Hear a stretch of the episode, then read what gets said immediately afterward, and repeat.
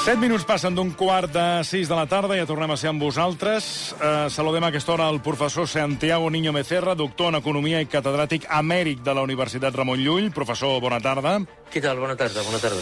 Benvingut. Uh, entrem en matèria i ho fem amb una dada que avui ha publicat el Banc d'Espanya. Calcula que 1,6 milions de llars no poden fer front a les seves despeses essencials. 1,6 milions de llars. La inflació i la pujada dels tipus d'interès ha provocat que les famílies en dificultats passin de ser el 7% al 9% del total. Això significa que hi ha, atenció, 300.000 famílies més amb problemes per arribar a final de mes. Aquesta és la principal conclusió d'aquest informe que avui, com dèiem, ha publicat el, el Banc d'Espanya. Uh, no sé com s'entén, professor, que hi hagi 1,6 milions de llars que tenen problemes per arribar a final de mes si Espanya, en principi, és un dels països de la Unió Europea que més està creixent. El Banc d'Espanya calcula que el PIB, el Producte Interior Brut, creixerà un 0,6% al segon trimestre, una dècima més que el primer. Per tant, no sé si podem agafar-nos allò que és el que se'ns venda, que Espanya va bien. Bé, eh, des de l'any 2019, però sobretot des de que va començar la, la recuperació, la sortida, vaja, de la, del confinament, eh, s'ha instal·lat un, un relat que d'alguna forma divideix la realitat en, do, en dues galàxies. Una és la realitat macroeconòmica i altra és la realitat micro, la microeconòmica. Què, què vull dir amb això? Vostè acaba de dir que eh, el PIB a Espanya, el producte interior d'Espanya, està creixent, és cert. Eh, si digués que la formació interior bruta de capital estava augmentant, és veritat. Si em digués que ha crescut, em sembla que és un 10%, les persones que estan guanyant a Espanya més de 600.000 euros anuals, tindria raó. Eh, el qual, eh, amb, aquesta, amb, aquest, amb, aquest, bueno, amb aquest àmbit, eh, sembla que realment, com vostè, ha dit, com, com vostè ha dit, Espanya va bé. Ara, a la part micro, ens trobem, per exemple, que la tassa de pobresa està a nivells rècord, el 26% que eh, caldrien, això és informació d'Infocasa, dos milions de vivendes ja. Curiosament és la xifra que ha promès la eh, senyora Yolanda Díaz mm. en, la, en un horitzó de 10 anys. També veuríem que el poder adquisitiu de l'espanyol mig eh, des, de que, des del confinament ha, ca ha caigut un 6%. Eh, també que el preu del lloguer no fa més que créixer. Eh, fa dos dies va sortir l'anunci al diari, no sé si el van comentar aquí a, al programa, que eh, a Barcelona s'havia posat a lloguer una habitació de 12 metres quadrats, no, perdó, m'he equivocat, du un pis mm, amb dues habitacions, una, un quart de bany i, una, i, una, i un dormitori sense cuina, de 12 metres quadrats per 550 euros al mes. Aquesta és la part micro. Mm, això mm, no funciona. Vostè ha donat la dada. 1,9 milions de llars amb problemes. Eh, és a dir, la part macro va bé, eh, la part micro cada vegada va pitjor. Una altra dada que contrasta amb aquest informe que, que avui ha fet públic el Banc d'Espanya és que s'ha registrat un altre rècord d'ocupació al juny amb 20,86 milions d'afiliats. Sí, però bueno, a, això, això ho hem de matitzar. Eh, ja hem parlat altres vegades eh, amb aquest eh, programa que mentre que el govern no mm, vulgui publicar, perquè no és que no pugui, és que no vol, la, el, el nombre de persones, però no, cuidado, no, no una estimació, eh, la dada oficial, el nombre de persones que eh, estan inactives tenint un contracte fixe discontinu jo crec que les xifres d'ocupació estan totalment sesgades. Perquè, com vostè sap, amb un contracte fixe discontinu no estàs a dins de la Seguretat Social, estàs cobrant atur, però no estàs eh, aturat. Eh, no constes com aturat. Mm, eh, és a dir, mm, aquesta xifra i el govern no ho vol, no ho vol publicar. Eh, la tassa de temporalitat entre, entre el jovent no està baixant, eh, Espanya és un dels països que té una, una tassa d'atur juvenil més elevada. És a dir, les tasses d'atur, mm, jo crec que millor no parlem d'això, eh? Bueno, doncs, doncs, escolti, doncs no parlem. Parlem d'una altra cosa. Vostè ens ha fet avui, ens ho ha subratllat dos cops, amb Marta Cailà, que eh, que ens hem de fixar amb el que està passant a Alemanya, on el govern ha aprovat una retallada de 45.000 milions d'euros en els pressupostos. Uh, però, clar, aquí uh, vostè ens ha dit que ens fixéssim en això, que, que, ting, tinguéssim, uh, que paréssim l'atenció, la, uh, però, clar, Alemanya, uh, professor, està en recessió tècnica. Sí, a, a veure... A, a, a Espanya no. Sí, mm, Alemanya és un, és un país que és cert mm, que mm. el seu producte interior brut va créixer un menys 0,1% en el quart trimestre del 2022 eh, i ha crescut un menys 0,1% en el primer trimestre del eh, 2023. Encara tenim la, no tenim les dades del segon trimestre. Això és cert. Eh, I Espanya no. Espanya va tenir un creixement positiu al, al quart trimestre del 2022 i un creixement positiu en el primer trimestre del 2023. Ara bé, la deuta pública alemana, per exemple, és la meitat, més de la meitat de l'espanyola. El dèficit alemany és mm, la meitat de l'espanyol. L'atur la, a Alemanya és la quarta part de l'atur a Espanya. I l'atur juvenil és la tercera part de l'espanyol. Jo, sincerament, senyor Clapés, jo signaria perquè Espanya estigués tan, tan malament com Alemanya. Llavors, si Alemanya ha, ha aplicat aquesta, aquesta retallada per reduir dèficit, per reduir dèficit i reduir deute, vostè imagini's què passarà a Espanya quan ja tinguem nou govern a partir de mitjans d'agost.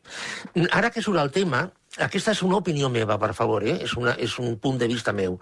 Jo crec que una de les raons, deixant al marge les estratègies polítiques que no entro perquè no entenc d'això, jo estic convençut que una de les raons per les quals a Espanya s'han avançat les eleccions al juliol, a 23 de juliol, és perquè des de Brussel·les li han fet una trucada al senyor Sánchez i li han dit Espanya ha de tenir un govern estable el abans possible. Si, si les eleccions són el 23 de juliol, el govern es forma el 20, a mitjans d'agost i l'1 de setembre el govern ja està funcionant. Què vull dir amb això? I es guanyen, evidentment, sis mesos. Eh, els quatre que, que, que van fins al finals de desembre, que és quan estem programant les eleccions, i el nou govern no arribaria fins a finals del gener. No? Es guanyen pràcticament sis mesos. És a dir, si Alemanya ha fet aquestes retallades, s'ha programat aquestes retallades, excepte el, el, a armament, a defensa, a, això no, això el pressupost ha crescut. Però si ha fet aquestes retallades, imagini el que tindrà de fer el nou govern, i el color és exactament igual, eh, tenint en compte els compromisos que Espanya no ha complert de retallada de dèficit i de deute. Mm, a partir d'aquí, pues, eh, jo crec que és molt important que ens fixem què està passant a Alemanya. A veure, dedueixo de les seves paraules que amb el, el nou govern haurà d'aplicar retallades.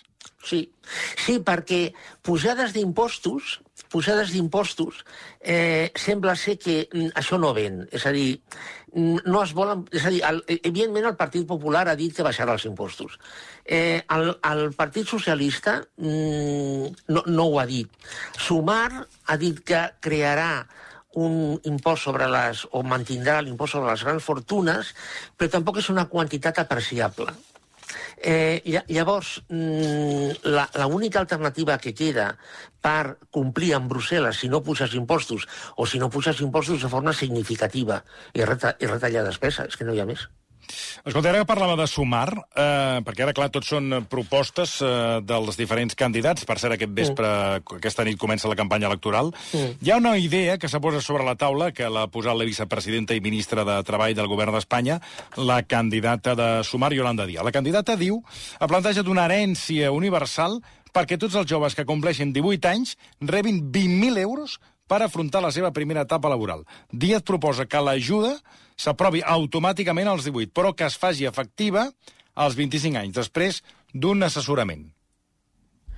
Bueno, a, a veure, aquesta idea de la senyora Díaz no és nova, perquè a Noruega eh, es va aprovar, no, no sé si encara està en funcionament, eh, però es va aprovar fa temps una, una mena com de salari, entre cometes, que mm, es pagaria al jovent eh, i que eh, eh, em sembla que eren al voltant de les 1.000 corones eh, al, al mes, però quedarien eh, amb una capsa i que eh, quan la persona tingués, em, em sembla que eren 23 anys, rebria el, el que estava acumulat a, la, a aquesta capsa.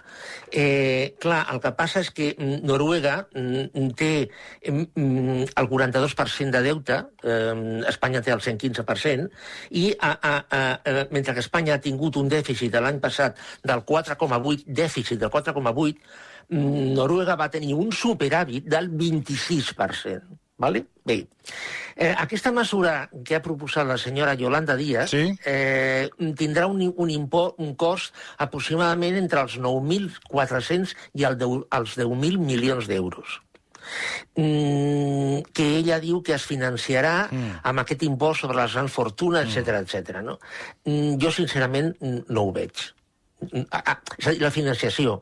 Però és que a la vegada vostè s'imagina el, el, el, el enrenou mm, organitzatiu que es tindrà que muntar per assessorar el jovent com pot gastar, en què és més convenient que gasti aquest, aquesta quantitat, jo, jo sincerament, no, no, no ho veig. Eh? És que, és que... Escolti, en, en relació a aquesta mesura, que vostè no veu, eh, de l'herència universal, Vostè va escriure un tuit dient que qualsevol mesura econòmica és possible i que tot depèn del que es prioritzi. I parlava dels cànons i la mantega del professor els Samuelson. Canons, sí. Ah, perdó, els canons i la mantega del, del professor Samuel, Samuelson. Mm. Què, és, què, què és aquesta... Sí, bueno... De, el, què es tracta, el, el professor... aquests canons i la mantega? Sí, el professor Samuelson, en el seu manual de política econòmica eh, mm, de, dels anys 50, és un clàssic, eh? és a dir, és, mm. Eh, va posar un, un exemple que era una caricatura de que eh, mm, un país, això era per explicar eh, la, la, com es pot administrar un pressupost, el professor Samuelson deia que un país que mm, construïa molts canons podria fabricar menys mantega i si decidia fabricar més mantega podria fabricar menys canons. Eh, mm, és una caricatura, eh? Bueno, el que he dit eh, eh, en el tuit aquest és cert. És a dir, eh, si, si el, el govern espanyol eh, tingués, el que sigui, eh, m'és igual, eh, tingués autèntica autonomia i digués, per exemple, doncs mira, l'any vinent a, a, aquestes tres fragates que volíem construir no les construirem. Els 40 Eurofighters que volien comprar no els comprarem.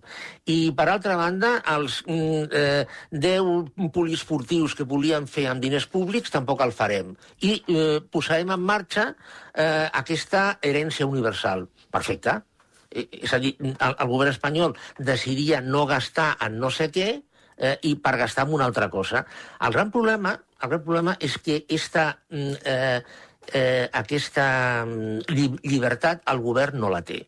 O sigui, el govern espanyol eh, i tornem una altra vegada a, a aquesta dicotomia que parlaven de lo macro i lo micro. No? Mm. El govern espanyol, eh, el, perdó, l'estat espanyol eh, està totalment hipotecat i totalment hipotecat. És el segon país del món amb, amb més deute exterior per darrere dels Estats Units. Eh, està en una situació financera molt feble. Eh, és absolutament fals això que diu el senyor Sánchez que eh, l'economia espanyola va com una moto. Eh, per què? Perquè les dades demostren que no és cert, és a dir, no és veritat. Llavors, la, la, el, el govern espanyol, sigui qui sigui qui governi, eh, tindrà d'afrontar després de, de que es facin les eleccions, etc etc i es formi el govern, tindrà que afrontar una política de, de, de retallada de despesa pública mm, substancial. I mm, possiblement, possiblement, eh, amb, jo crec que amb molta probabilitat tindrà de pujar a l'IVA, que és un impost que, que, que, bueno, que té l'avantatge té l'avantatge de que queda difuminat en el preu de les coses. Que, que és una fal·làcia, però bueno, es ven així. Bueno, no, es toca, no es toca la imposició directa, eh, que és, eh, sembla ser que afecta més a la butxaca quan has de fer la declaració, i, i queda difuminat amb el, que, amb el que pagues cada dia. Jo recordo, només recordo, eh, que eh, el, el tipus normal a Portugal, que el tenim aquí al costat, és el, 20, el 21,5%. Eh, llavors, eh, bueno, mm, puntos suspensivos. Va, escolti, un tema no me'l vol desenvolupar aquí, puntos suspensivos. No, però bueno, clar, vaig ara aquí el professor que diu que ens pujaran l'IVA, ell sí. diu, pujaran l'IVA, i, i l'IVA ja, o sigui, la recaptació per l'IVA ja està baixant. Ha baixat Sí. un 4% perquè la gent compra menys, està baixant el consum. Si Sí. pugen l'IVA, encara baix- la gent consumirà menys. Vull dir, a on anirà l'economia? Si, si pugen l'IVA, mm, el que passa és que si es, el, el, els, és a dir, pujar l'IVA, això és diners a la butxaca. Perquè hi ha una sèrie de productes que eh, els has de comprar sí o sí. Ah. És a dir, mm, potser no et canvies de, de cotxe, potser. O potser no, no, eh, no et compris un altre vestit. Eh, eh, això és possible. El que passa és que hi ha una sèrie de coses que les has de comprar. Eh, parlo sobretot en, en tema de serveis, etc etc. no? Eh, o les exencions d'IVA. És que, és que, a veure, la- l'exenció d'IVA, que ara el govern ha dit que es mantindrà fins al finals de desembre, amb, amb, amb aquests productes alimenticis, el formatge, etc etc, això costa 1.600 milions d'euros. A dir, és que, és que qualsevol tipus de, de, de reducció eh, o de bonificació, mm, els, diners que costa són, són... La quantitat de diners que costa és enorme, no? Llavors, jo crec que d'entrada aquestes, aquestes reduccions li, el, el govern que surti de les eleccions li faran treure. Això d'entrada. En segon lloc, li, li, fa, li diran que plantegi una, una, una, un pressupost de l'any vinent restrictiu mm, amb, amb despesa pública, mantenint mm, defensa, armament, perquè aquí hi ha un compromís de tota la Unió Europea amb la OTAN, eh, i per altra banda, mm, si això no, no és suficient, eh, un augment d'impostos que jo crec que jo crec que serà l'IVA. I sí, té, té vostè raó, això pot incidir en una davallada del consum, que de fet el consum ja està, ja està davallant. Bé, hem parlat de la proposta de Yolanda Díaz, aquesta herència universal, no li ha convençut. Anem amb la proposta de Núñez Feijó, que és la de recuperar la motxilla austríaca per les pensions. Això li convenç més o tampoc? Bueno, la, la motxilla austríaca no és per les pensions. Eh, és a dir, la motxilla austríaca és per a la, el subsidi d'atur. Mm, A veure, la, la motxilla austríaca no és un invent del senyor Feijó, la, la motxilla austríaca ja va ser plantejada al govern del senyor Rodríguez Zapatero, de fet, el senyor, el, el doctor Garicano, que va ser l'expert que va tenir Ciutadans eh, en economia, també era partidari de la motxilla austríaca. La motxilla austríaca és una mena de, de capsa eh, de la qual és propietari cada treballador i, i, i que cada mes eh, l'empresa va posant un percentatge, un percentatge perdó, del salari d'aquesta persona i que aquesta capsa és propietat de la persona, del treballador o de la, o de la treballadora, però que no la pot tocar. Llavors, quan, si es, sí, sí, eh, es produeix el comiat d'aquesta persona, aquesta persona pot agafar la capsa i utilitzar-la. Si aquesta persona eh, torna a eh, tenir ocupació, bueno, pues continua, es continua omplint la capsa. I, I si aquesta persona, eh, quan arriba a l'edat de jubilació, a la capsa hi ha diners, a la, a la, a la, a la guardiola, a, o a la capsa aquesta, aquesta motxilla, eh, se, eh, afegeix, s'afegeix a la pensió d'aquesta persona. Bé, jo, jo crec que a Espanya la idea, en principi, d'entrada li dic que no em sembla malament, em sembla bé. Ara bé, jo el que penso és que aquesta, aquest invent de la motxilla austríaca va ser inventat a Àustria per als austríacs i les austríaques. Per, per què dic això? A, a veure, sobre la mitja europea 100, és a dir, si el PIB per càpita mig de la Unió Europea és 100, Àustria el té de 125 i Espanya de 85. És a, dir, és a dir, hi ha una diferència de 40 punts entre el PIB per càpita d'Àustria i el d'Espanya. La tassa d'atur a Àustria és del 4,8%, el- a Espanya és del 12,9%. I a l'atur juvenil a Àustria és del 9,5% i a Espanya del 29,8%. És, a- és a dir, jo, jo eh, penso que la motxilla austríaca, que torno a dir que, que crec que és un, un invent bo, està dissenyada per un país molt més estable que a, a Espanya, amb un atur molt més baix i amb un PIB per càpita, és a dir, una productivitat molt més elevada de la que té, de la que té Espanya. Jo, jo crec, i, i, i ho he dit així, eh, que si a Espanya es posa en marxa la motxilla, la motxilla austríaca, fracassarà totalment fracassarà. D'entrada, d'entrada els empresaris espanyols ja estan en contra. Bueno, eh, parlant dels empresaris, eh, aquí fins i tot el Cercle d'Empresaris ha proposat la jubilació als 72 anys. Sí. Vull dir, clar, a l'hora de fer Jo que tot el Bueno. dia ja vaig, fer, vaig comptant a veure quan em toca jubilar-me. als 72 anys. Jo no m'hi veig aquí als 72 anys, eh? Ja li diré. Espera. Perquè ni als 72 Bueno, ni als per- 60. per què no? No, no, perquè no, perquè no. home, eh? Ja A dic jo que no. 60? 60 jo tampoc m'hi veig. 60 anys aquí, fent altra cosa, sí, però... A veure, no sé... Què vol- què vols fer? Pues No no estàs sé, bé, però- pul·lulante. El meu objectiu ara ja en aquesta empresa és passar del que faig aquí uns anys a, a pul·lular. Però què vol dir això? Pues- què pues vol dir? Pels passadissos? Pul·lular, bueno, allò que sembla, les- sembla que fa, sembla que fas, hòstia, tens una feinada però no fots res, que és una Ah. mica una cosa que no he fet mai, però és una cosa a la que aspiro. Que és una cosa que sembla que vas de cul. No ho sabràs fer, tu, Saps? això, Això hi ha gent que ho fa, que ho fa Sí, de sí, nassos, sí, sí, sí. que van pel passadís, unes presses amunt i Corre, avall, corre, sembla... corre, eh? Sobretot cal córrer. Bueno, va, vas pel passadís, munt, mai, saps? Sembla que estiguis, hòstia, aquest tio té una feina ocupadíssim. Bueno, quan surts de l'edifici, doncs... Tens res que fotre. Te'n vas aquí davant, el camarà se fot un tallat. Vull dir, ja està. Aquesta és la meva aspiració.